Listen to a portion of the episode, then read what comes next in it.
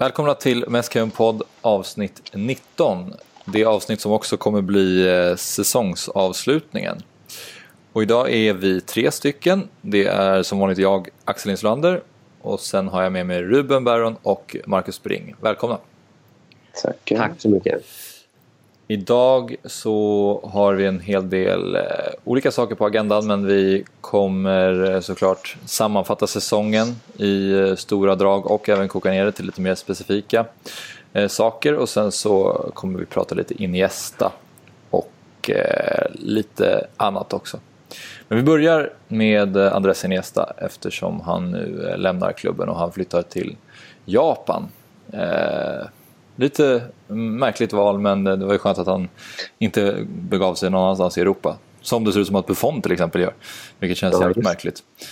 Men eh, vi ska inte prata om Buffon utan vi pratar om Iniesta. Vad, hur känns det nu när han försvinner? Ja, men det är tråkigt såklart men väntat. Man har ju, de första rapporterna kom väl vid nyår ungefär så att man har väl hunnit vänja sig vid tanken att han faktiskt inte kommer spela i Barcelona säsong.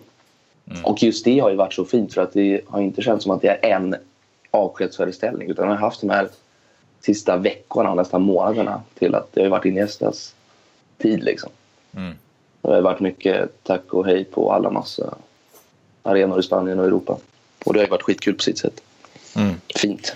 Ja, det är inte alltid man ser en spelare som lämnar som får hyllningar på andra platser än eh, sin egen klubb. Nej, han är uppskattad överallt. Mm.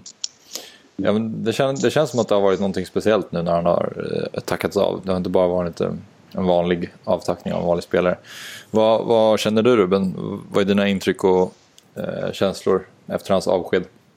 Ja, eh, vemodigt precis som ni säger. Och, det, och, det, och, och, det, och, precis som ni säger, det är klart att hela liksom, den här svanesången har ju förstärkt intrycket att han är populär överallt. Liksom. Och det, ta bara cupfinalen till exempel. Det blev ju på ett sätt ett nästan ännu tydligare avsked. Än, det var nästan den, den starkaste enskilda starkaste enskilda ögonblicket kan jag känna vad gäller Iniestas avsked. I och med att vi inte riktigt visste då vad som gällde och huruvida han skulle sticka. Men så gjorde han det där målet och byttes ut och tårarna och hej och hå. Då, då, då plötsligt så följer polletten ner. Och så Men det, det, det känns eh, vemodigt. Och det, alla, det känns, alla känslor på en och samma gång lite. Och det är klart att det, det blir ju det är med skräckblandad förtjusning som man, som man ser fram emot nästa säsong i och med det mesta inte kommer att vara där. Så är det. Mm, mm. Ja, det kommer inte direkt bli lätt att fylla hans position eller luckan efter honom. Eh, om man inte hittar en riktigt, riktigt bra spelare. Men de, eh, Iniesta är ju så unik i sitt spel. Men eh, Ruben, du var på plats när han eh, tackades av, hans sista match, hemmamatchen mot eh, Sociedad va? Mm, precis. Berätta om eh, det.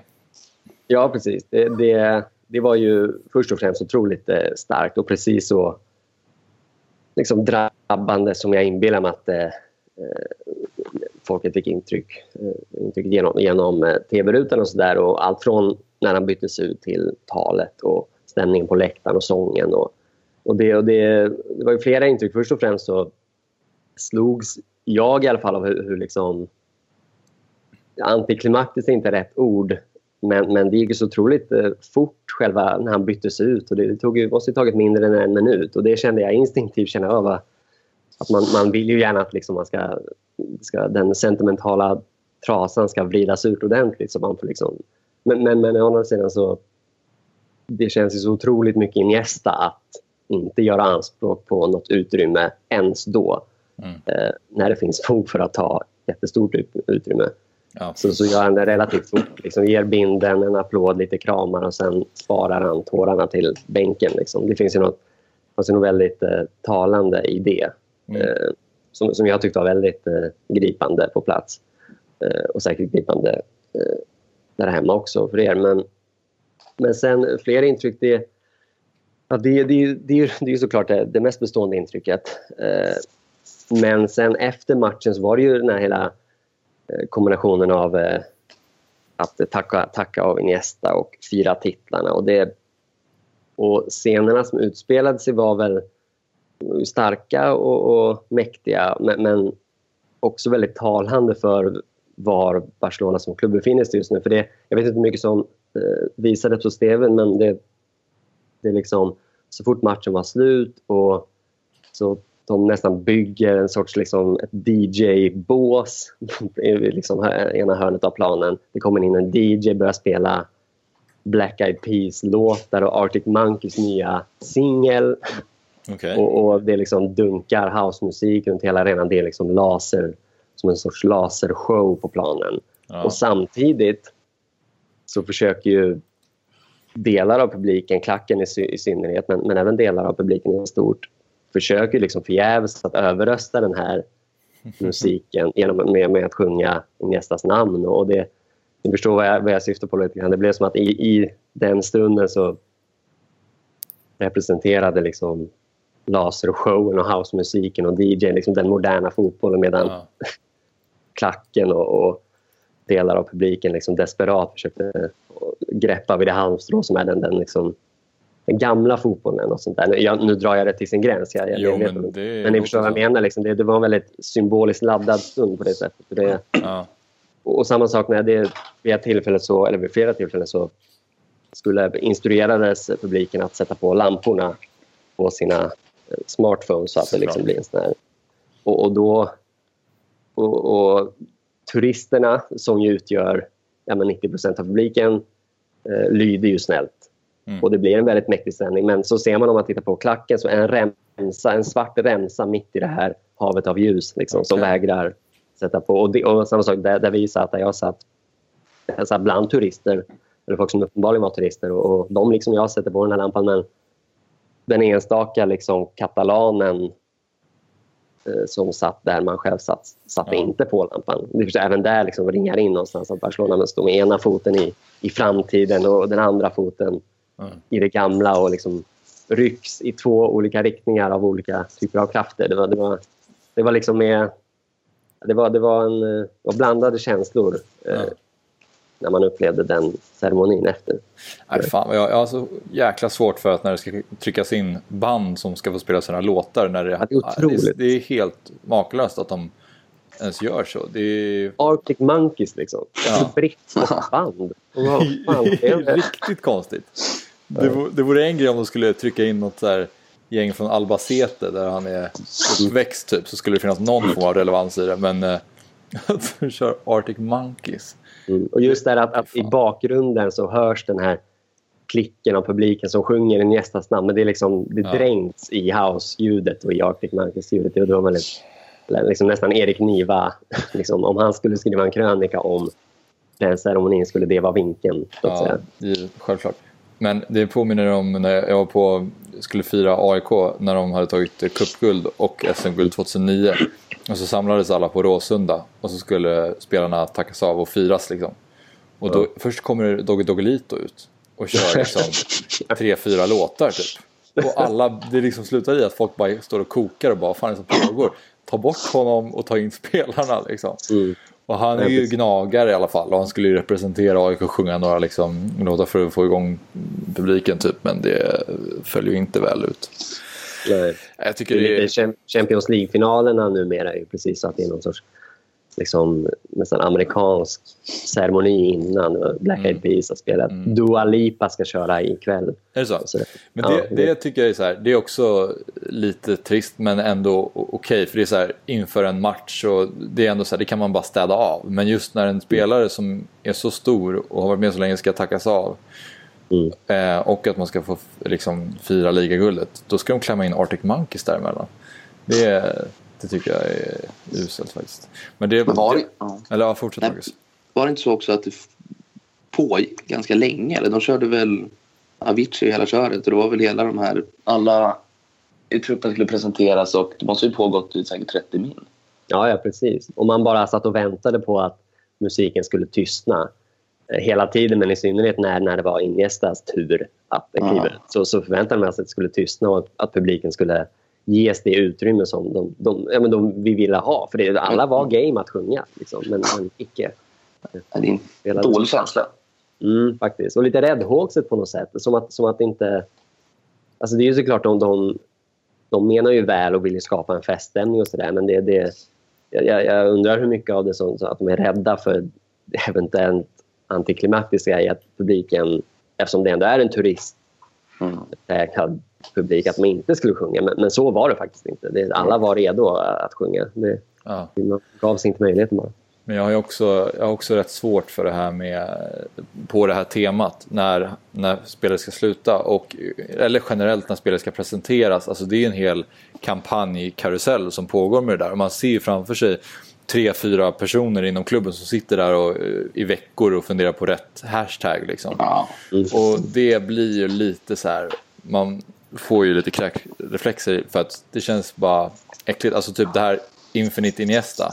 Det var ju snyggt och påhittigt att vrida på hans åtta, liksom, att det skulle vara ända in i oändligheten. Liksom. Men på ett sätt är det så här, ja det är så påklistrat, det vore snyggare om det bara var så här, tack för allt. Liksom. Eh, mm. Och bara liksom, en ren och skär avtackning. För nu blir det så mycket att alla ska ha på sig de där tröjorna. Och det, det känns för mycket moderna fotbollen alltså. Ja, det, och det sker ju på bekostnad av, av någonting. Liksom. Eh, mm. Så är det. Och sen som jag får bara, om jag får dröja lite ännu mer vid, vid den här ceremonin och, och tanken jag hade kring det så. Jag var ju och tittade på Chavis. Nu låter det som att jag humble braggar här.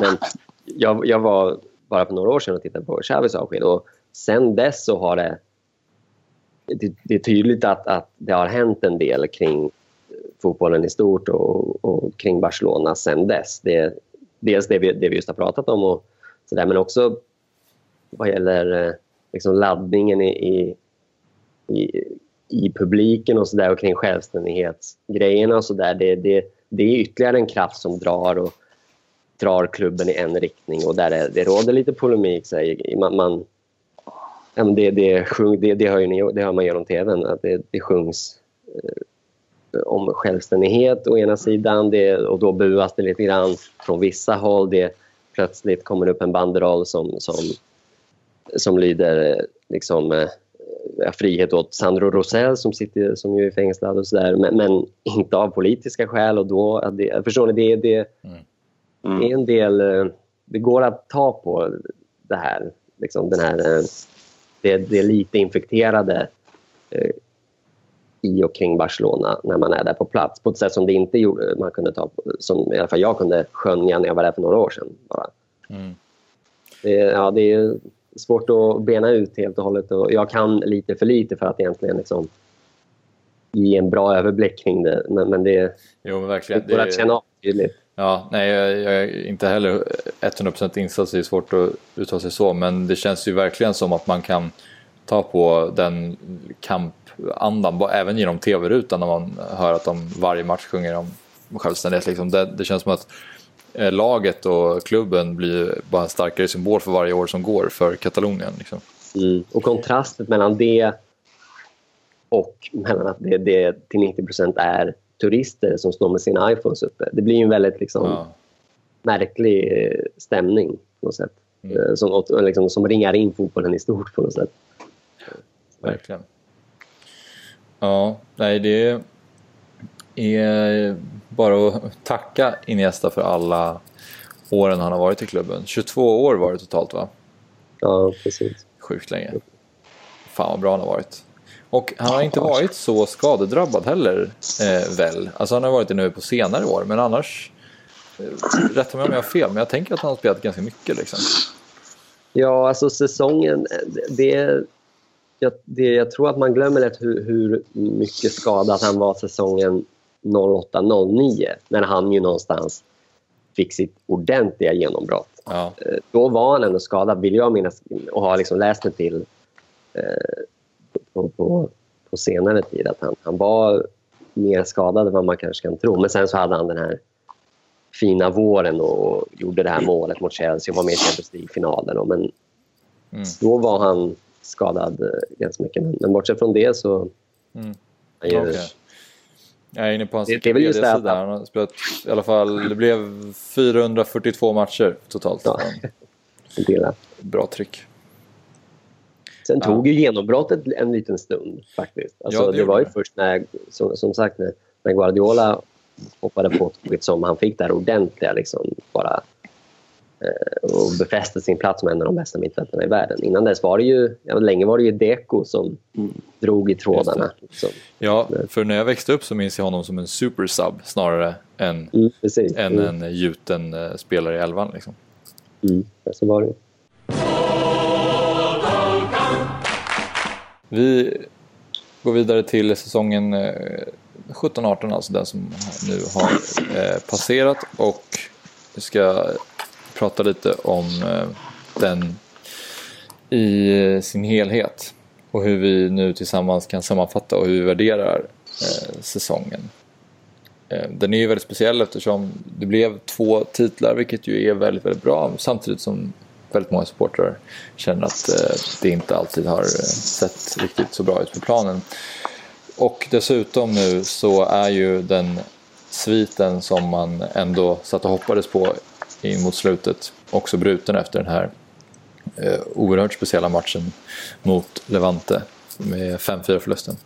Så att det blev inte ens en, in, eller inte ens, men det blev ingen eh, invincible säsong eh, heller. Men hur, hur värderar ni den här säsongen? Vad känner ni? Är ni liksom nöjda, glada eller irriterade? Eller vad, vad tänker ni? Jag känner att det beror lite på var man tar avstamp ifrån någonstans. Ta avstamp från augusti och ja, någon säger till mig i augusti att ni kommer vinna inhemska dubbeln. Då är det extremt bra. Alltså verkligen extremt bra. För det var ju nästan till krisstämpel på Barcelona då om ni minns. Mm. Alltså det såg ju uselt ut och Supercupfinalerna mot Real Madrid var ju nästan pinsamt dåliga. Mm. Men då kom man ut, utgår man från typ mars när egentligen ligan var klar. Jag hade massakrerat Roma hemma med 4-1. Då kändes det som att trippen var rimlig. Mm. Och då blir det ju inte en succé istället. Så det är lite, lite tudelat. För egen del i alla fall. Ja. Vad känner du Ruben?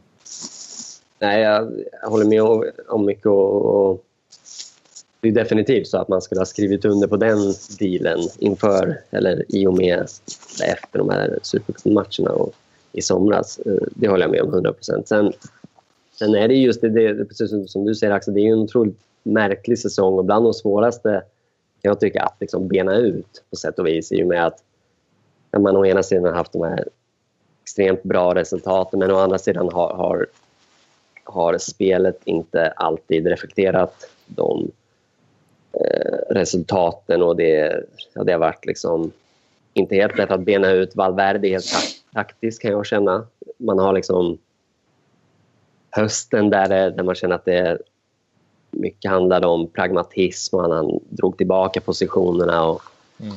hade det här fyra mittfältet, ett diamantmittfält ofta och det, det var liksom ett, ett annorlunda men, typ av Barcelona men ändå med en liksom stabilitet som, som jag tyckte om att se även om det inte rimmade med eh, klubbens liksom, ideal helt och hållet. Och sen har man våren där han, precis som han hade eftersökt lite grann, där, där han liksom släpper, släpper eh, tyglarna lite grann och spelar med ett mer offensivt balanserat lag men blir då i och med det blir liksom bräckliga bakåt. Och, och, då, och det liksom bidrog ytterligare till, att, till den här eh, liksom, eh, oklarheterna kring Valverde och huruvida han är rätt typ av eller inte. Så det har varit en, en märklig säsong så tillvida också. Men, men det blir någonstans så vinner vi dubbeln och, och det, då förtjänar laget godkänt, eller mer än godkänt. Ja, det, är här, det blir så jävla förvirrat på något sätt.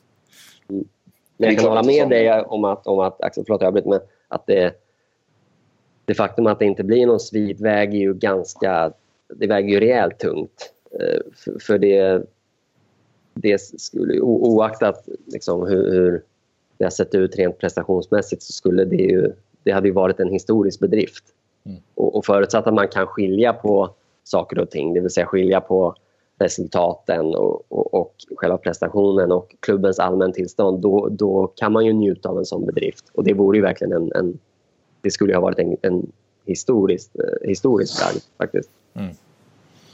Nej, men jag, jag eh, instämmer, men jag tycker så här, om man kollar på tidigare säsonger så känns det som att Barcelona spelmässigt har varit så här, bra många matcher men alltid haft ganska höga pikar. Det är några hemmamatcher varje år som är så här 6, nästan 7-0 liksom, eller 5-2 eller något så här.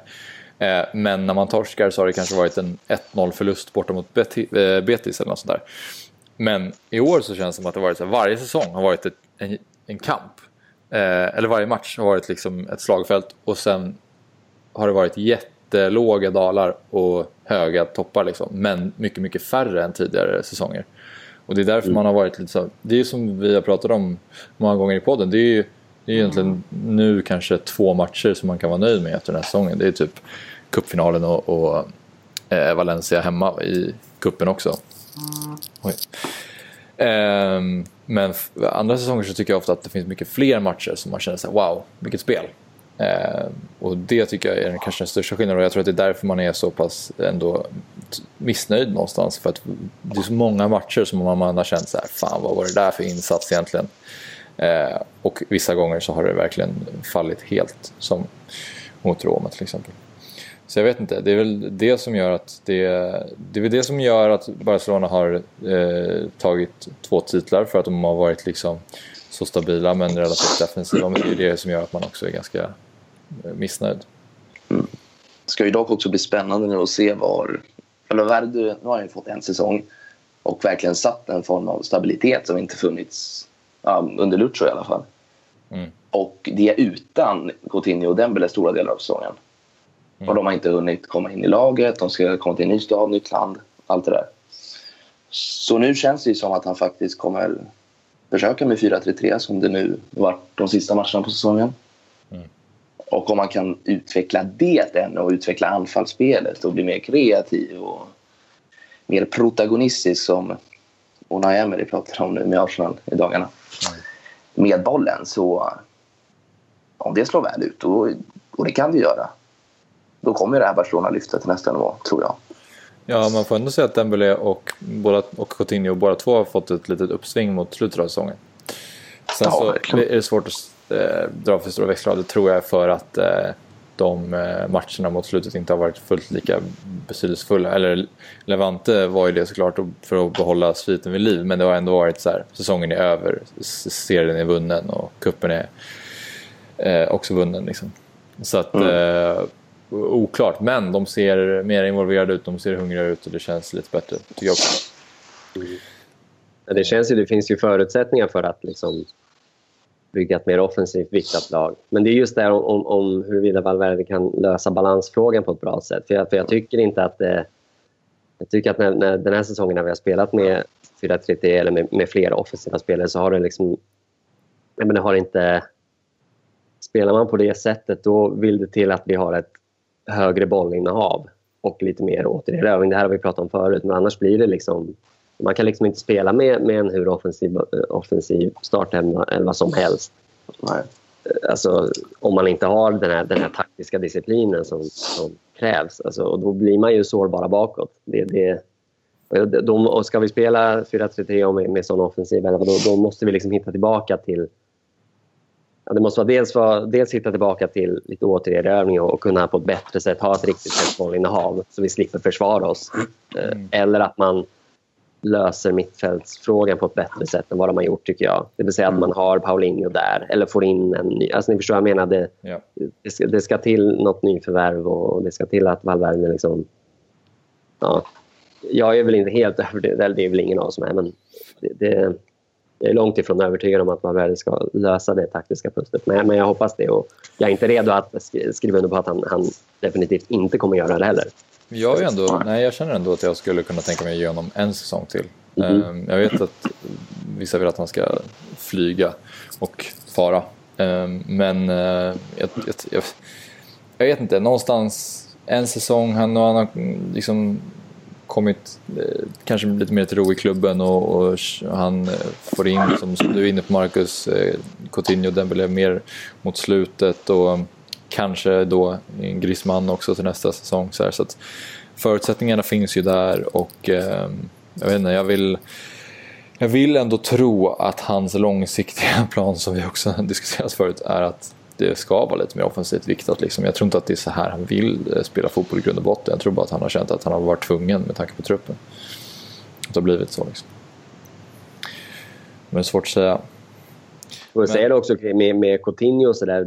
Du nämnde, eller ni nämnde att de har kommit igång lite på slutet. Jag får säga det att, att, att eh, med Coutinho i synnerhet att han, det har inte varit så lätt för honom att komma in i laget. Inte så lätt som han hade hoppats att det skulle vara i alla fall. Men tänk då hur mycket han har, han, och Dembélé för den delen, men, men att gå till hur mycket han har visat upp och hur många, jag menar ganska många poäng han har gjort och mål och ja, bara exakt. det är riktiga, riktiga drömmål. Alltså, alltså tänk, siffror på, ja. siffror på det där, just hans poängproduktion och det var ju, alltså det, jag tror det var typ 20 matcher han har spelat och så har han gjort jag tror det var uppåt 17 poäng, 10 mål, 7 assist någonting. Det är ju riktigt bra siffror. Ja, det, och det, det, det är hans lägsta nivå. Då, ja, exakt. Man känner inte att han har exploderat på något sätt. Nej.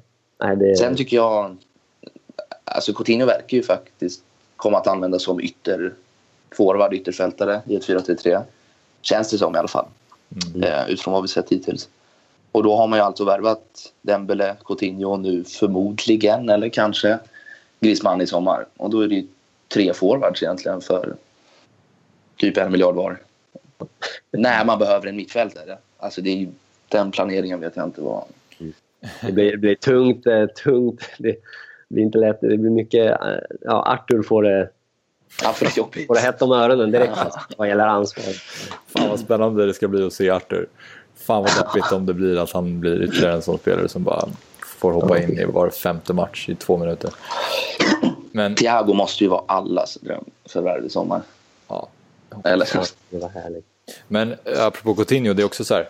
Han har spelat en halv säsong för Barca. Han har redan gjort typ 3-4 mål där han gör sitt patenterade kliva in i banan och drar en stenhårt i bortre. Ja, verkligen. Fatta då hur...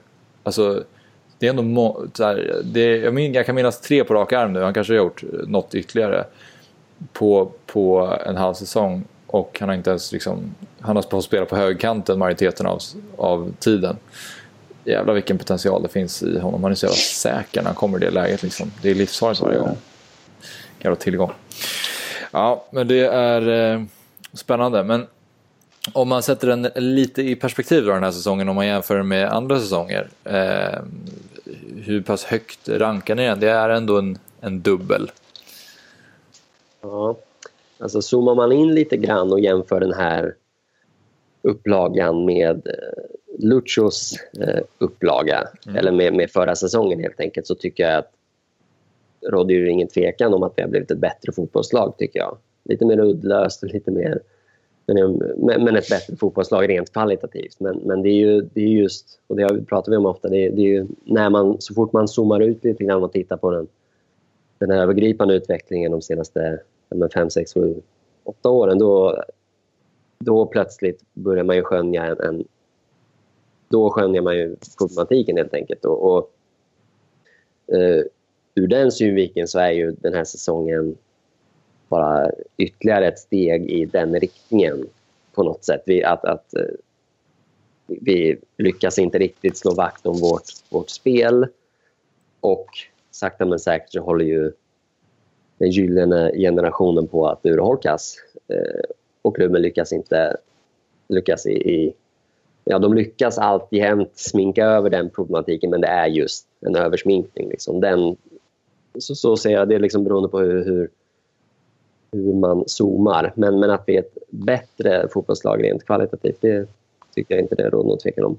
Så tillvida att det är, är ett, ett fall framåt, men, men ja, återigen, det beror på vilket perspektiv man anlägger. Jo, precis. Och lite vilken eh, säsong man ställer den mot. Men eh, jag håller med om att det är verkligen ett, ett eh, fall framåt. Samtidigt som det känns som ett fall bakåt om man ställer det mot klubbens ideologi och mm. hur man vill att eh, laget ska spela. Så det är mycket olika saker man får liksom, ta hänsyn till och det är därför det blir så komplext när man ska sätta den här säsongen i perspektiv och när man ska värdesätta den. För att man är ju trots allt glad över att man har vunnit ligan och att man har vunnit kuppen men man är ju också lite deppig över att det känns som att det kanske inte längre håller på att vara samma Barca som, som man har, har i sitt hjärta. Mm, och det kanske skulle funnits ett värde i, i en riktig, det man, det man förväntade sig inför säsongen, det vill säga en riktig bara genomklappning. Mm. Det, det, det tar emot att säga och som du säger, man sitter ju och hejar på sitt lag alltid oavsett men ja, det, det, om man, om man liksom eh, bejakar sitt, liksom, eh, sitt, konservativa Barca-jag. Bejakar man den delen av sig själv, då, då, då finns det något väldigt eh, problematiskt i att eh, det har gått så bra resultatmässigt som det har gjort. För det, ja, det, det gör ju Bartomeus jobb enklare, helt enkelt. Ja, det känns ju inte som ett historiskt bra Barcelona. Nej, absolut Trots dubbeln liksom. Nej, nej, nej. Och känslan är väl att Messi... Alltså utan Messi så hade det kanske kollapsat tidigare. Alltså, jag kan ens fatta hur bra han är. Liksom. Det är, ju, det är 40 plus mål per säsong, 20 plus assist. Mm. Det är galet Alltså, han, sminkar, han sminkar över så mycket av den här klubbens fel och har gjort det i så många år nu. Så att, Ja. Mm. Och, Nej, tänk vad, liksom, och tänk vad, tänk vad... Och det säger ju allt nå- någonstans om vilket jävla underbetyg och vilket otroligt uselt jobb ledningen har gjort. Alltså att de inte har, har förvaltat den särställning som vi, vi, vi skapade oss i och med Guardiola och Mm. den upplagan. Att de har förvaltat det arvet på det här sättet. Det är klart att vi ville titta, men tänk hur jävla bra det skulle kunna ha varit. Alltså, om vi haft en stommen av spelare som vi har och skulle kryddat det med, med, bra värvningar. Det, det finns ju ingen, finns ju ingen övre gräns för hur bra det skulle kunna ha varit. Alltså, och där i ligger ju vår kritik hela tiden. Vi, vi, vi pratade om det du och jag sen utanför podden, att man träffar ju emellanåt människor som, som vet, kallar en kinkig och hur kan ni klaga, ni vill ju titta varje år. Och de har ju rätt i det, det finns ju en poäng i det. Men det är just vi, vi, eh, vi, vi liksom, utgångspunkten från kritiken är ju hur bra det skulle kunna ha varit om det var en bättre regering på plats. Man vill ju se ett projekt som faktiskt går framåt och med en framtidsplan och bra framtidsutsikter. Och det har det inte funnits i Barcelona på flera år. Nej. Sen Pep i stort sett. Det har ju verkligen varit en säsong i taget. Ja, det ser okej ut. Messi är bäst i världen. Det gick bra. Mm. Men så börjar vi om på ny kula nästa år. Ja. Typ. Ja. Ja, nej exakt, exakt så är det och man ställer ju sina förväntningar i relation till vad man tänker att klubben kan Ja. skapa för eh, framgångar och eh, hur det kan se ut och för att man har farit, och för att man har fått vara med om det så man vet ju att det, det finns där när man tänker på säsongen 2011 eller 2009 eller liknande liksom. så det, det finns ju högre höjder än vad som man har sett den här säsongen i alla fall garanterat. Men Får jag bolla upp en, eh, Ja. får jag bolla upp en sista innan vi går vidare? Bara, Mm. det här apropå den, den brutna sviten och Levante-matchen. Mm. Eh, det, det, jag visste inte det där och då, men, men det har ju kommit fram sen. Eller det, sen åkte laget till Sydafrika och spelade den här träningsmatchen. Och det. det. är ju, man blir helt tokig, alltså, för det, det går ju inte annat än att eh, liksom plus ett, ett plus ett och konstatera att att eh, rotationen till viss del hade att göra med det faktum att de skulle resa till Sydafrika några Mm. dagar senare. Och det är Ja. ju helt, alltså det är helt otroligt alltså att Ja, de det är kan äventyra med sviten en liksom historisk bragd. Det, vi- det, ja, det är ju sjukt. Alltså hur Men kan... vilka var det som vilade som faktiskt spelade i Sydafrika? Jag tänkte också på det där innan och sen så kom jag fram till att okej, det berodde ju inte på det. Messi spelade ju inte i Sydafrika heller i stort sett. Jo, men jag, jag bara, det enda, det är ju Messi det handlar om helt enkelt. Ja. Och, och, eh, Jeremina i all ära liksom. Men eh, det, bara det faktum att han reste med och alltså var på Ja, bänken. Jag tror att om han inte skulle rest med och fått speltid i Sydafrika skulle han åtminstone suttit på bänken i, i Levante-matchen. Så tänker jag i alla fall. Men jag förstår vad du syftar på. Men- Men jag tänker Mm. att den, den lilla, lilla... Bara det faktum att han... Ja, men skulle han suttit på bänken mot Ja, det Levante skulle vi inte ha förlust. Nej. Och det räcker för att göra mig rasande. Mm. Ja men verkligen. Jag läste också någonstans att det var så här. Någon som skrev att Messi har fortfarande en obesegrad säsong. Alltså det hans... Eh, Man kan han ha. själv. För att han inte var med. Men eh, nej, det är fan bedrövligt. Jag håller med. Fan vad jag var irriterad när han inte ens var med. När jag såg att han inte var med i truppen överhuvudtaget.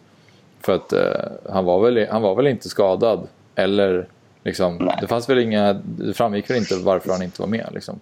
var det vila inför VM förmodligen. Ja, det, var, det är väl eh, sant visserligen. Men då tycker jag också att så här, då ska han fan vara på bänken. Om det skiter sig. För det är två matcher kvar. Nej, exakt. Ja, verkligen. Eh, och, det, och det är också konstigt att Valverde, liksom så här, vill han inte själv bli en historisk tränare? Fatta att vara den, den tränaren som har tagit igenom laget genom en helt obesegrad Ja. Men det kanske fanns eh, krav från andra håll eller någonting, jag vet inte. Och Jeremina var ju svag. Alltså. ja, men han, han har haft det tufft nu på Han har haft det riktigt tufft. Men det känns som att här, han tror att när man ska spela Barcelona, det innebär att man ska krydda varje gång man får bollen och man ska hålla den aslänge och slå assvåra passningar i varje situation. Det är inte det det handlar om. Det, är bara, det handlar bara om att ha någon form av kyla med bollen och, och försöka behålla den till varje pris. Liksom. Men han ska liksom dribbla och ta aslång tid på sig. Och det är riktigt irriterande. Man blir ju frustrerad när man ser honom. Han är så flängig utan bollen också. Han liksom går på såna här stöd, helt galna ja. Ramos-stötbrytningar. Och man bara äh, känner... Usch. Nej, det känns inte helt bra faktiskt. Nej, det gör det inte. Gör det inte. Men eh, han kanske får ett eh, super-VM. Jag antar att han är uttagen i truppen. Jag har inte sett Colombias trupp. Men... Ja, men han är uttagen i bruttotruppen i alla fall. Okej. Okay. Ja. Eh, ja, vi kan prata lite VM avslutningsvis. Om vi bara ska bygga vidare på det vi pratat om nu och liksom dela in klubben i, i olika eror.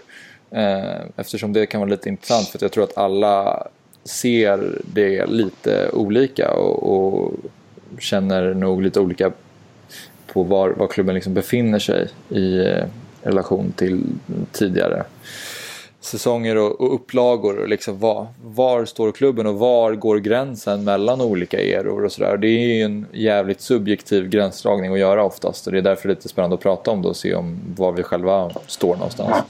Eh, vad tänker ni? Vilken era befinner vi oss just nu till att börja med? Ja, ja det är ju svårt att alltså, ja, Messi-eran har ju varit sedan 2005 liksom, och det känns ju som att man fortfarande är där för att han bär ju den här klubben. Nu har jag sagt det typ tre gånger i avsnittet. Men... det, är, bra, det bör sägas sant. minst tre gånger ja. i avsnitt. Ja. Eh, nej, men alltså, han är ju fortfarande kvar, då kommer det gå okej. Okay. Sen har det ju varit ganska många tränare på senare år och jag vet inte om man vill dela upp dem i en era för sig liksom, men jag vet inte. Tata Martino-eran, det låter ju inte så jävla bra. så vi får se vart Valverde tar det här, så får man bedöma det senare. Men det har ju sett bättre ut än vad det gör just nu, känns det som. Ja. Nej, definitivt. Nej, men det, det, det, det, men det, är så, det är sjukt intressant det där med. Och återigen, det handlar liksom om hur, man, hur mycket man zoomar in eller zoomar ut, som jag ser det. Jag menar, zoomar man in, då kan man ju, vilket folk har pratat om, en, man kan hitta en Guardiola-era där. Man kan hitta en, en Xavi Iniesta-era. Eh, eftersom Messi har ju funnits, kommer finnas efter och fanns innan. Eh, och det är, ju, det är ju inte fel att göra det i och med vad, liksom, vad Guardiola byggde och, och eh, hur framgångsrik den perioden var. Men så, så zoomar man ut lite grann, då hittar man, ja, då hittar man en Messi-era, precis som du säger Marcus. Det är ju inte heller fel. Zoomar man ut ytterligare så kan man ju, går det, finns det argument för att prata om att det eran började och slutade med eh, Laporta någonstans och liksom att, ja. att det, det, började 2000, runt kring 2002 2003 där mm. och slutade när eh, Sandro Rosell hoppade ombord och sen har vi liksom har det långsamt urholkats sen dess. Det, det finns ett, ett, ett, argument för det. Men å andra sidan vänder man på det myntet så, vilket jag tycker är intressant att tänka på eh, lite grann kring just Laporta för det, han, han får ju med all rätt eh, mycket cred och, och eh, drog ju i trådarna när, liksom, i en otroligt viktig period. Den kanske viktigaste liksom, brytpunkten i, i eh, vad gäller den moderna framgångssagan i Barcelona. Men som sagt, vänder man på det myntet så han ville ju, han ville ju värva David Beckham. Liksom. Ja. Eh, var inte det ett var ju, vallöfte? Typ, eller? Ja, precis. Eller det, exakt. Det, och de fick inte honom. Han valde Real. Då landade man på Ronaldinho. Och jag kan liksom inte, jag kan inte få ihop den ekvationen att han var den visionären, Laporta, när han samtidigt ville ha att, att Beckham skulle vara här för honom i det fotbollslaget. Det är för mig helt det är liksom obegripligt. Alltså, så det kanske är mer relevant att prata om att det är Ronaldinho som var den, den katalysatorn och den enskilt viktigaste mm. pusselbiten för att vi, det, här, det här moderna framgångsprojektet liksom kom igång. Mm. Eh, ska man prata om Reikard kanske? Men, men å andra ja. sidan, jag vet inte hur er känsla kring Reikard, han var en grym tränare men när man hör spelare prata om honom i jämförelse med typ ja, men, mer taktiskt utpräglade tränare som Guardiola då, då beskriver de ju Reikard som en, snarare som en Ancelotti-tränare. Alltså, de körde 11 mot 11. Och ja, det är ju rätt... Äh, sjukt när man kollar på Rijkaards tränar, tränarkarriär. Både innan och efter Barcelona. Han kommer från ett Sparta Rotterdam som åkte ur holländska högsta ligan. Fick Barca-jobbet. Var där i några år. Sen gick han till Galatasaray typ ett år, två år. Och så slutade han. Ja. Nej, jag, Det är min, jag, Det är otroligt, Ja. det visste jag inte. Sjukt Det är han fick en jobbet konstig när han måste ju ha haft någon riktigt bra ingång i Barca där. För Ja. att få det jobbet så fall. Men Alltså, jag, jag, jag tycker... ehm, jag har tänkt lite på det och delat in det i tre eror, men, sam, eror, men samtidigt så... Eh, jag tänker främst att det finns en så här övergripande och, och svepande era med så här klassspelare som Ronaldinho, Xavi, Iniesta, Messi som har funnits med i klubben länge. Från typ 2000, jag börjar ju tänka från 2003 typ. Eh, framåt för att det är så länge som jag har varit med och, och sett klubben. Ehm, men, och den, den eran som då är ganska lång med de här fantastiska fotbollsspelarna har ju gjort att klubben alltid har varit i toppen av tabellen och alltid vunnit typ minst en titel varje år. Eh, Så det tycker jag man kan ge till eh, truppens kvalitet och främst då Xavi, Iniesta, Messi skulle jag säga. Men då strax innan den perioden typ Ronaldinho och några andra spelare också, Eto'o kanske. Eh, Men sen så om man eh, zoomar ut lite och, och tänker bort spelarna eh, och ser på organisationen så ser jag det som tre olika eror. Att vi har första eran med, med just Laporta och, och Rijkaard som jag tycker gjorde ett, ett jävligt eh, bra jobb men det var inte det här, fortfarande inte det här tydliga bollinnehavsspelet. Det började komma lite grann men det var inte helt inpräntat i, i spelet i, ur min synvinkel. Men sen när Pep kom, då nästa era enligt mig, om, det ska, om man ska nu kunna göra någon sån tydlig skifte, så, så skulle jag säga att eh, där är nästa era, att Pep kommer, han gör spelet ännu mer eh, bollinnehav, han, han utvecklar det ytterligare och då tar spelet till högre höjder och vinner en jäkla massa titlar under fyra år. Och sen nu skulle jag säga att vi är inne i era tre som bara är post-pep har jag tänkt att det ska heta. Som bara är något, eh, någon blandning och något haveri efter pep som där man bara eftersträvar exakt. eh, och försöka hitta tillbaka till det. Men att det aldrig riktigt har funkat och man bränner tränare efter tränare men hittar aldrig riktigt rätt. Så det är någon form av eh, sökande och famlande nu i, i den tredje eh, efter Pep. Ja, men post Pep eran, ja. Det känns ju rimligt. Och sen, jag tror inte vi kommer... Jag tror Pep kommer komma tillbaka till Barcelona. Det är jag ganska säker på. Inte som tränare, men som sportchef typ. Något sånt. Mm. Och då tror jag vi kan hitta tillbaka till det där igen. För att Pep är ju är typ gudfadern av alla fotbollsledare. Liksom. Han gör ju allt rätt vart han än kommer i stort sett. Och får resultat. Ja. Så jag har ju höga förhoppningar om att han faktiskt vill komma tillbaka. Ja, det hoppas, hoppas jag också. Sen kan man ju också...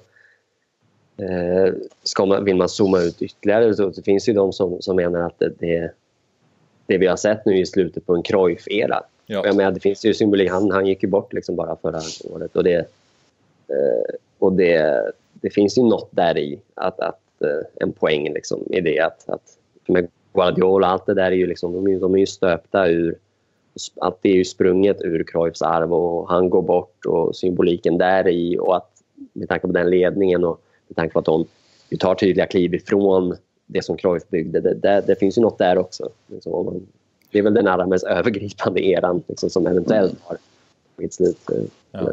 Ja.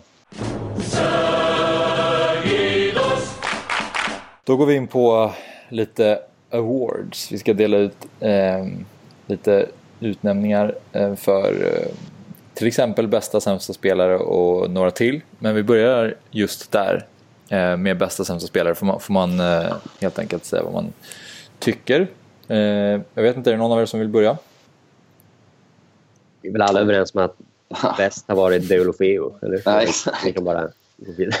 Ja, men, det eh, är väl eh, Delofeo eller Paco. De, de drar ju Ja. båda en tuff match. Nej, men bästa, det, det är klart att Messi har ju... Liksom, nu har vi redan ägnat lite tid åt Messi, men han, han, han är ju bara...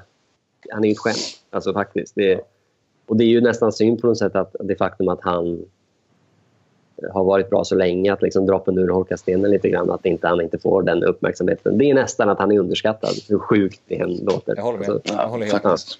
Faktiskt. Det, han, han är ju ja, och sättet han liksom drar det här Barcelona och bär där. Det, det, För jag, stör mig lite, jag, jag, håller med om att han är underskattad i den bemärkelsen att det är så här, typ Sala nu, att folk säger att han är nästan uppe på Messis nivå. Och så är det så här, fast mm. nej, han är fortfarande otroligt långt ifrån Messis nivå. Alltså, det, han ska, visst, han är uppe i typ samma målproduktion, men om man kollar på allt annat, alltså Messi har liksom mest lyckade dribblingar, mest passningar, flest alltså han vinner ju allt liksom. Och mm. han är spindeln i nätet i varenda match och en matchvinnare är bäst i, när det gäller, liksom, han har all, allt som, som går. Så jag han har ju liksom knäckt koden. Ja, exakt. Och då är det som att så här, folk förväntar sig att han ska vara så bra och det är han ju då. Och därför blir det som att så här, ja, han är, han är bäst. Men det är det som, när någon annan kommer upp som är, när förväntningarna är lägre så blir det som att oj, nu börjar de närma sig. Och så säger nej, tänk om faktiskt. Men ja, han har varit fantastisk och det är han ju alltid. Men lite mer spännande då, sämsta spelare? Vad har vi där? Ja, sämsta, det... Alltså, Deulofeu spelade inte hela säsongen, men han, han, det var ju en stor besvikelse faktiskt. Eh, tyckte jag. Ja. Sättet på vilket han liksom inte kom in i laget. Men, eh, men, men utöver det, Gomes har haft det tufft. Liksom. Ja. Eh, men, men jag landar väl, alltså jag landar väl någonstans där. Eh, liksom. Och på bästa spelare måste vi också nämna Ter Stegen. Liksom. Det, det, ja, men det är bra att ha någon som visar. Ja, men så jag, jag landar där någonstans. Ja. Eh, ja, alltså jag har väl också nämnt två namn framför allt och ena är ju Gomes. För jag tycker många har ju tjatat på att han inte fått chansen, det är därför han inte levererat, han har inte fått en, ja, men flera matcher i rad. Den här säsongen fick han ju det i höstas, han spelade ju oförtjänt mycket. Var aldrig över medioker liksom.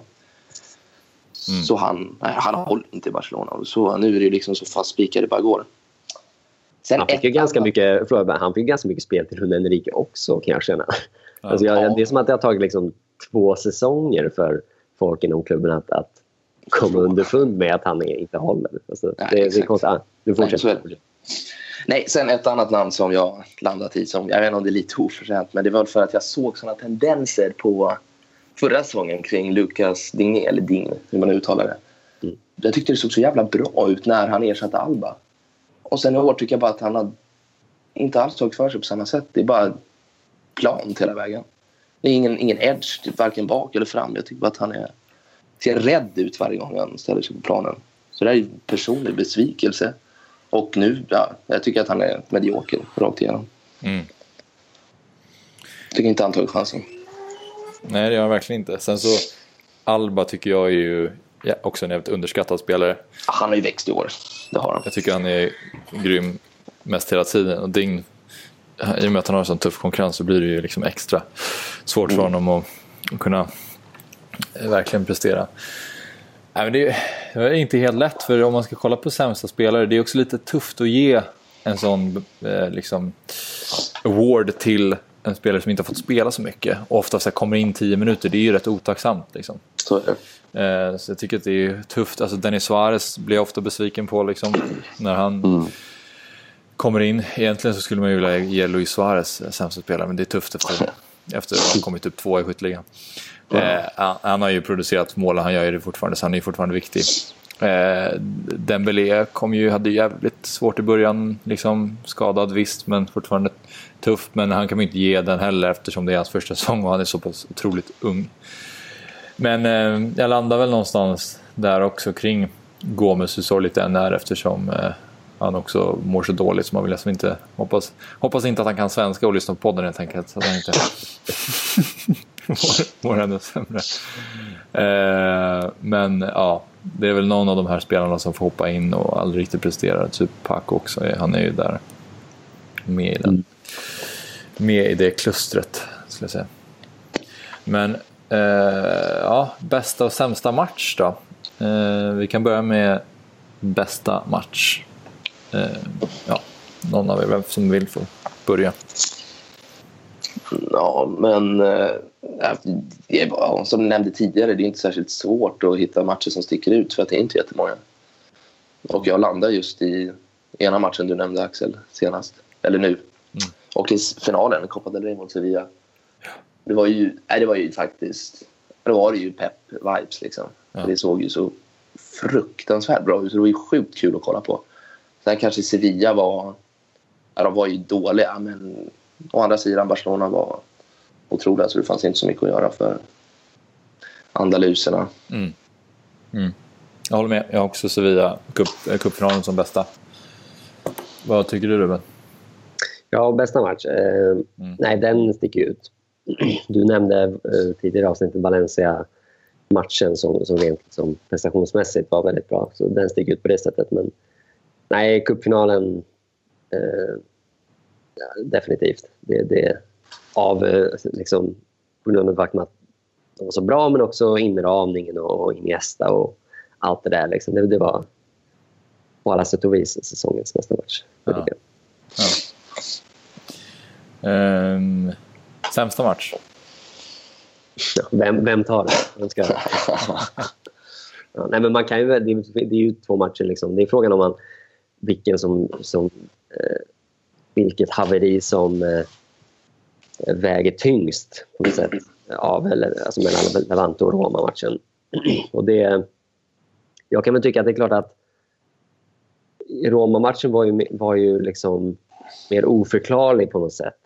Ännu märkligare i det att där fanns ju liksom förutsättningar för att göra en, om inte, ja, men en tillräckligt bra match. Alla spelare var på plats. Det, det, så den, den, den kändes mer som en käftsmäll. Men, men jag kan bli ur en annan synvinkel lite mer, nästan ännu mer provocerad av Levante haveriet i och med att det liksom man, man så tydligt kastade bort den här sviten bara i, i och med att man jag bänkade Messi och spelade med Jeremina och sådär. Det, det, det, det blir liksom... Jag brinner nästan ännu mer när jag, när jag tänker på Levante-matchen. Ja. På något sätt. Även om båda såklart... Eh, det var ju ja. totala haverin. Jag håller med. Jag, jag har Levante också för att jag tycker Roma-matchen var, den var ju katastrof också men det kändes som att det, det laget had it coming lite grann och att man väntade på att det skulle komma något haveri och det kändes inte som att Barca riktigt förtjänade att gå vidare när det såg ut så. Men sen så tänker man att åtminstone kan du väl ta hem ligan och ta, kryssa mot Levante men så går man och, och ställer ut skorna i princip. Så det, den, den stör mig mer också. Ja, för mig, ja... Nej, jag plockade Roma-matchen för att just digniteten. Liksom, kvartsfinal Champions League, ja. 4-1 första matchen. Det var ju bara det var en transportsträcka. Det var inte... Alltså, varför? Det går inte att åka ut. och så gör de det. Och det är ju den största enskilda besvikelse jag någonsin varit med om i sportsammanhang faktiskt. Alltså någonsin i mitt liv. Det var en sån... Det var en riktig jävla käftsmäll. Då var, det var ju, man var ju tom. Mm. Finns inte. Mm.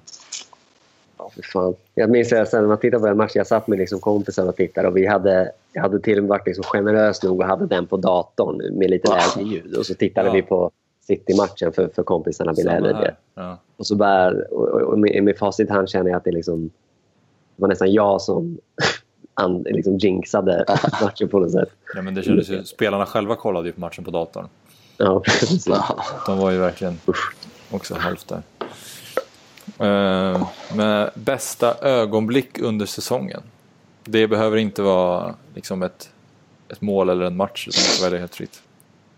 Oj ja, det är inte helt lätt. Alltså det, det har varit fler sämre ögonblick än bra ögonblick. Men, eh, men plocka ut liksom Iniestas mål i cupfinalen och tårarna där. och Det, det var ju såklart liksom på ett sätt det värsta ögonblicket. För, för det gick upp för henne att han, nu är det dags att säga då. Men det, det ja, kärlek och, eller liksom lycka och sorg är nära förknippade känslor. Liksom. Så det, det var ändå en, en, bra typ av sorg, ett fint ögonblick liksom, mm. som knöt ihop mm. karriären på ett fint sätt. Så jag väljer det som bästa ögonblicken. Då, faktiskt. Mm. Marcus? Jag har ju svårt att plocka något sådär, men nu... Ja, det blir lite mer El Clasico åt andra matchen, 2-2 på Camp Nou, för jag var faktiskt där. Så Oj, då... var du?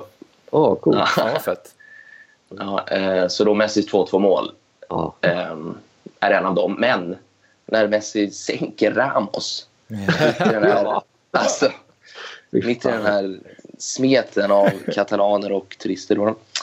Men det var ju sån stämning liksom, så att han, ja, när han bara tar sats från 50 meter och sänker dem, det var ju liksom... Ja, det var härligt. Alltså.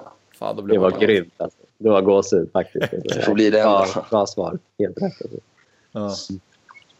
ja, men jag har också ett klassikon. Jag har det första klassikot. För mm. att eh, det var en sån... Eh, eh, överkörning. Liksom. Kändes så bra också med eh, att, att eh, med tanke på eh, eh, Supercupfinalerna i backspegeln. Liksom. Och sen så var det dags igen när det faktiskt gällde. Och att det var, liksom, det var dagen innan julafton så man var liksom glad ändå. Det var en härlig tid. Och så, så, så, så, så smäller det ordentligt där. Så att, ja, den eh, tar jag med mig eh, som bästa. Men jag tänkte på, jag tänkte på avtackningarna också. Att, eh, jag tyckte det var fina avtackningar med, med Iniesta och med Mascherano. Att det verkligen var ordentliga avtackningar från klubbens sida. Det tyckte jag var bra också. Att det inte bara säger Iniesta är ju enorm, men till exempel Mascherano att de ändå ser till att han faktiskt har gjort så många säsonger i klubben. Det tyckte jag var bra. Eh, mm. Bara för att lägga till det. Men årets mål då? Vilket var det? Oj. Ja, alltså det, det, vi har ju varit så bortskämda med liksom fantastiskt, alltså eh, liksom snygga mål i och med MSN-eran, apropå eror. Liksom. Där var man ju liksom, varenda vecka var det drömmål. På sätt. I år har det varit lite mer skralt, men det, det beror på lite vilka parametrar man använder. Det, snackar vi liksom viktiga mål, förlösande mål, då, då kommer jag väl att tänka spontant på Messis 1-0 mål mot Juventus i gruppspelet. För det var någon sorts den här känslan av att liket lever liksom, efter den här tuffa sommaren. Mm. Och hans första mål mot Buffon var det väl. Och det, där kände jag, jag satt och tittade, bara, det var otroligt förlösande på något sätt. Så det och, och Messis frispark mot Atletico är väldigt viktigt och väldigt liksom, snyggt. Men rent estetiskt, om, om man liksom eh, glider över till det, så eh, kommer jag att tänka på mål som jag tyckte om det här Messis frisparksmål mot Sociedad som ju, jag vet inte om minns han liksom väldigt långt utanför och, och Rui i målet liksom står helt sådär fryst och alla bara står och tittar på. Kommentatorerna märker knappt att det sker och han liksom böjer in den i bortre och alla bara står som frysta. Går ju att argumentera för att det var en målvakts liksom, miss men ja. det finns något så här mäktigt med de här målen som när alla bara tittar på bollen. Ja. Liksom väldigt vackert mål. Jag skrev, ner, jag, skrev, jag skrev ner alla Messis frisparkar. Jag tyckte ja. bara som, som ett eh, liksom collage av alla hans otroligt vackra frisparkar. Och det faktum att han gjorde så jäkla mycket snygga frisparksmål under en sån säsong. Det var bara det var ju unikt. Så det, det skrev jag ner. Men sen tänkte jag också på det här målet som Suarez gör. Jag kommer inte ihåg vilken match det är, men det är bortaplan i alla fall. Det är fan också mot Sociedad tror jag. Eventuellt. När ja, han, när han eh, skruvar in den på en han touch. Ja, skruvar in den på en touch. Han får en liksom passning lite i sidled vrider upp kroppen jäkligt snyggt. Det var också väldigt. då att man tänkte att fan, det kanske finns lite kvalitet kvar i den här eh, väldigt icke-explosiva spelaren. Men eh, ja, det tyckte jag var sjukt snyggt, rent estetiskt liksom. Nej, jag hade jättesvårt att komma på något. Jag satt och tänkte, men jag har svårt att minnas enskilda matcher. Ja, det känns inte som att det är något som står ut. Det var väl ingen superbissa eller något sånt där liksom. Nej. Nej, men era får rygga alla era. Suarez-målet lite extra. Det var riktigt snyggt. Ja. Messi har ju några mål också. Bland annat i, mot Girona och, och något mot Betis när han har det här patenterade när han liksom viker inåt och bara fortsätter promenera och håller ja, inne skottet ja. gång efter gång. Och spelare efter spelare faller som, som, som käglor bara. Och just det mot, mot Girona när han liksom han går nästan baklänges. Han går liksom bak i planen så mycket viker han in och, ja. och bara håller, håller, in och håller in och sen avlastar. Det, det där är... Då det riktigt snyggt. spinner man. Mm. Liksom. Mm. Och alla, det är verkligen så nu kommer skottet, nu kommer skottet och alla lägger sig ner för att täcka skott. Men då bara kliver han förbi istället. Ja, det, är, det är otroligt. Ja, nice. Men då har vi delat ut lite priser till, eh, till spelarna. Vi får se när de kommer och hämtar dem. Eh, när de dyker upp på redaktionen för Mäskön podd. Ja, precis. Men eh, vi, vi avslutar med lite eh, VM-snack tänker jag. Vi har ju några spelare där ute. Man kommer ju hålla, jag kommer hålla stenhårt på eh, Sverige framförallt, men också Argentina. För Messis skull. Fan vad jag hoppas att, han, eh, att det går bra för honom. Och eh, Spanien delvis. Eh, men det var också några som inte fick komma med. André Gomes och Semedo, båda ratade. Mm. Deppigt. Eh, Otroligt konstigt alltså, att Semedo inte kommer med. Jag, jag, det det begriper jag verkligen inte. Alltså, han har ju varit riktigt bra tycker jag. Alltså, Ja, faktiskt. i, i Skadad är en av ju världens största klubbar. Liksom. Ja, det är och liksom Cedric från Southampton. Fan. ja, ja, ja, det, jag begriper inte. Men ja, ja. fortsätt. Nej. Eh, vilka har vi mer? Uh, Umtiti uttagen, Ding inte va? Nej, han petad. Sergio Roberto framförallt. Är väl, Han är petad. Just det. ja, det är ju tufft ändå. Det är han, han som jag glömmer namnet på nu, men någon Sociedad. högerback. Odri- Odriozola. Ja, precis. Som är så bra tycker jag, det läser. Ja, han är men, duktig. men, eh, ja, Roberto är ju bra han Sen också. blir det spännande att se om eh, Ter Stegen blir första keeper om Neuer inte hinner liksom komma tillbaka ordentligt. Det känns ju så faktiskt. Mm. Det Det känns lite väl ja, magstarkt att starta Neuer nu efter håller helt den här säsongen. Inte matchrutin på typ ett år. Liksom. Nej, exakt. Nej, han kan inte göra mer. fantastisk säsong. Exakt. Eh, men de största namnen för, ur, ur Barcas synpunkt i VM blir väl Rakitic, Iniesta, Busquets, Coutinho, eh, Messi såklart, Suarez. Eh, sen kommer väl Paulinho kanske spela en stor roll för Brasilien, han brukar göra det Ja, också. Och sen Dembélé med, med i Frankrikes trupp, det är kul. Ja. Oklart hur mycket speltid han kommer få.